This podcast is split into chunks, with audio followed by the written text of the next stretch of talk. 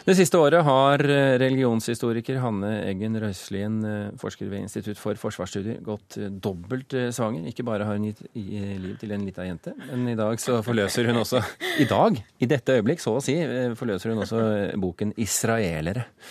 Velkommen til oss, Røiselien. Takk skal du ha. Av de to du har forløst, hvem er søtest? Det er hun som ligger hjemme. Dette, jeg kan ikke engang si at denne er en god nummer to. Nei. Til lille Vilma står det inni, da. Ja. Det er sammenhengen, om ikke annet. Ja. Hvorfor ville du skrive boken 'Israelerne'?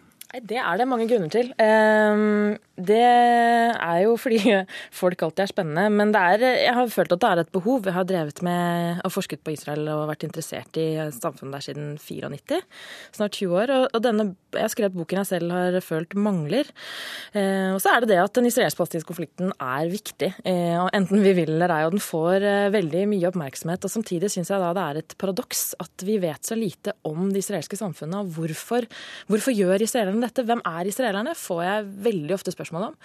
Eh, og det tror jeg egentlig at vi trenger å vite mye mer om. Og så har den israelsk-palestinske konflikten pågått lenge. Eh, den har endret dynamikk, eh, og vi trenger å oppdatere kunnskapen vår.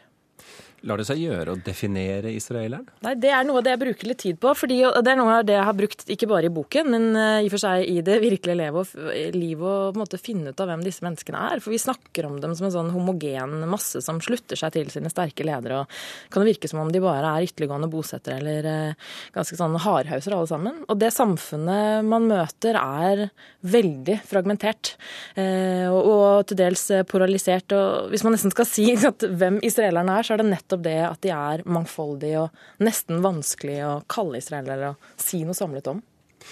For du, har, du, er inne på den der uh, dualiteten i det landet hvor du har Tel Aviv i den ene enden uh, og Jerusalem i den andre, og, og uh, disse ut, utbyggerne. Hvordan kan en nasjon inneholde så stort spenn?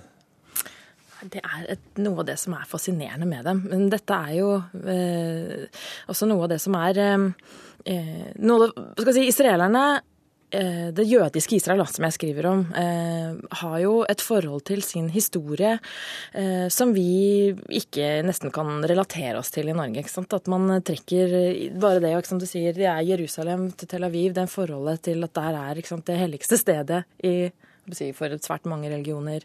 Eh, man trekker med seg nærmest oldtid inn i nåtiden. Og så er det dette med at eh, det er De lever i selve historien? Altså. De lever For israelere så er Galilea sant, et sted å reise på badeferie. Og det har et kart fullt av disse sånn, krydret med navn som vi kjenner til. Samtidig som eh, det er dette at Israel er et, det er et ungt samfunn. Og det er et immigrasjonssamfunn. Dens forrige valget vi hadde, var vel et av de første hvor alle kandidatene faktisk var født og oppvokst i Israel. At det er eh, det, er, det å liksom, ha en sånn dualitet i sin historie, da, å være hvis du spør mange israelere hvor kommer du fra, så svarer de ikke nødvendigvis Tel Aviv. De svarer jeg er marokkaner, og jeg kommer fra Tel Aviv. Jeg, kommer, jeg er russer, og jeg kommer fra eh, Nazaret, f.eks. De har med seg en eh, helt annen form for dualitet da, enn den vi kjenner til her hjemme. Hvordan vil du beskrive ditt forhold til landet? Det spørsmålet har jeg faktisk aldri fått før. Det er nesten eh, det er jo, Jeg har jo ingen eh, personlig relasjon til det. Eh, jeg er, eh, som vel min generasjon i 30-årene, vokst opp med eh, ikke sant, intifada, israelsk-palestinsk konflikt, også fra Lillehammer, Butsjiki-drapet, flyttet til Oslo, som har blitt et For du er fra Lillehammer? Ja, jeg er fra Lillehammer, og, og senere bodd til Oslo, i Oslo, som jo er et begrep i Midtøsten-sammenhenger. Jeg har blitt veldig nysgjerrig til det. Klart at jeg har blitt glad i mange israelere, men jeg er veldig distansert i forhold til Jeg skiller veldig i forhold til folk og konflikt, da. Og jeg prøver å nærme meg dette samfunnet uten nødvendigvis å gå via konflikten, som jeg tror er et feilslag ofte. Av, et av grepene du har gjort da i denne boken, det er jo at du du snakker med vanlige folk, for å kalle dem det. Ja. Altså, eh, enkelt, altså, Ola Nordmann, hva heter Ola Nordmann i, i Israel? hva heter, ikke sant? Ja, den, den, jevne israeler, da. Ja. Um, hva er det Hva får du ut av å, å snakke, snakke, med så mange forskjellige israelere? Blir du ikke egentlig bare forvirra? Jeg tror vi har godt av å være forvirra. Og så er det noe med at, å akseptere at ting ofte er mer er, Ting er komplisert. Eh, vi liker jo gjerne å forenkle og se på ting litt sånn enkelt. Er det svart eller hvitt? Er det for eller mot? Og hvis man skal nærme seg det israelske samfunnet og da begynner å snakke med folk, så er det nettopp det at dette er faktisk komplisert. Det er et utrolig sammensatt samfunn. Eh, og som jeg nevnte så vidt, at eh, når vi nærmer oss den israelsk-palestinske konflikten her hjemme, så snakker vi så veldig sånn bare i konfliktfokus. Hvem har rett og hvem har feil? Jeg tror at det, det gjør til slutt at vi faktisk ikke engang forstår konflikten, nettopp fordi at folket som lever i konflikt, med konflikt, prøver å ha vanlig liv ikke sant? i skyggen av denne konflikten. Hvem er de?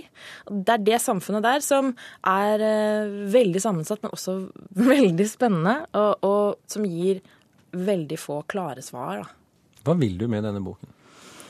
Jeg er forsker. Jeg syns alltid at vi må Vi har et ansvar om å ville, ønske Vi vil måtte vite mer. Det syns jeg alltid at vi skal. Um, det andre er også at eh, jeg synes at vi skal oppdatere kunnskapen vår på den israelsk-palestinske konflikten. Og også jeg syns at vi har, eh, må prøve å forstå mer dynamikken i En ting er konflikten, men også i det israelske samfunnet. Jeg syns vi alltid skal hige etter mer kunnskap. Er du optimist på israelernes vegne? Jeg, hvis du spør i forhold til eh, konflikten, så er jeg nok eh, ikke det. Jeg har ikke blitt lystig av å ha, bruke alle disse årene nede i, i, Midtøsten. Det må jeg si. Men samtidig så er det noe positivt også å lære av dette samfunnet. At det er noe med et sterkt eh, samhold på kryss og tvers av ganske voldsomme gap, som jeg syns er fascinerende, og som vi godt kunne lære litt mer av når vi snakker om immigrasjon i Norge. Så at 4000 innvandrere er, liksom, er voldsomt. når Israel fikk én million, f.eks. Ja. Hanne Eggen Røiselien, tusen hjertelig takk for at du kunne komme her og snakke om din nye bok, som eh, du fikk i hendene noen minutter før du kom inn i studio. Den heter 'Israelerne' og er gitt ut på Aschehoug.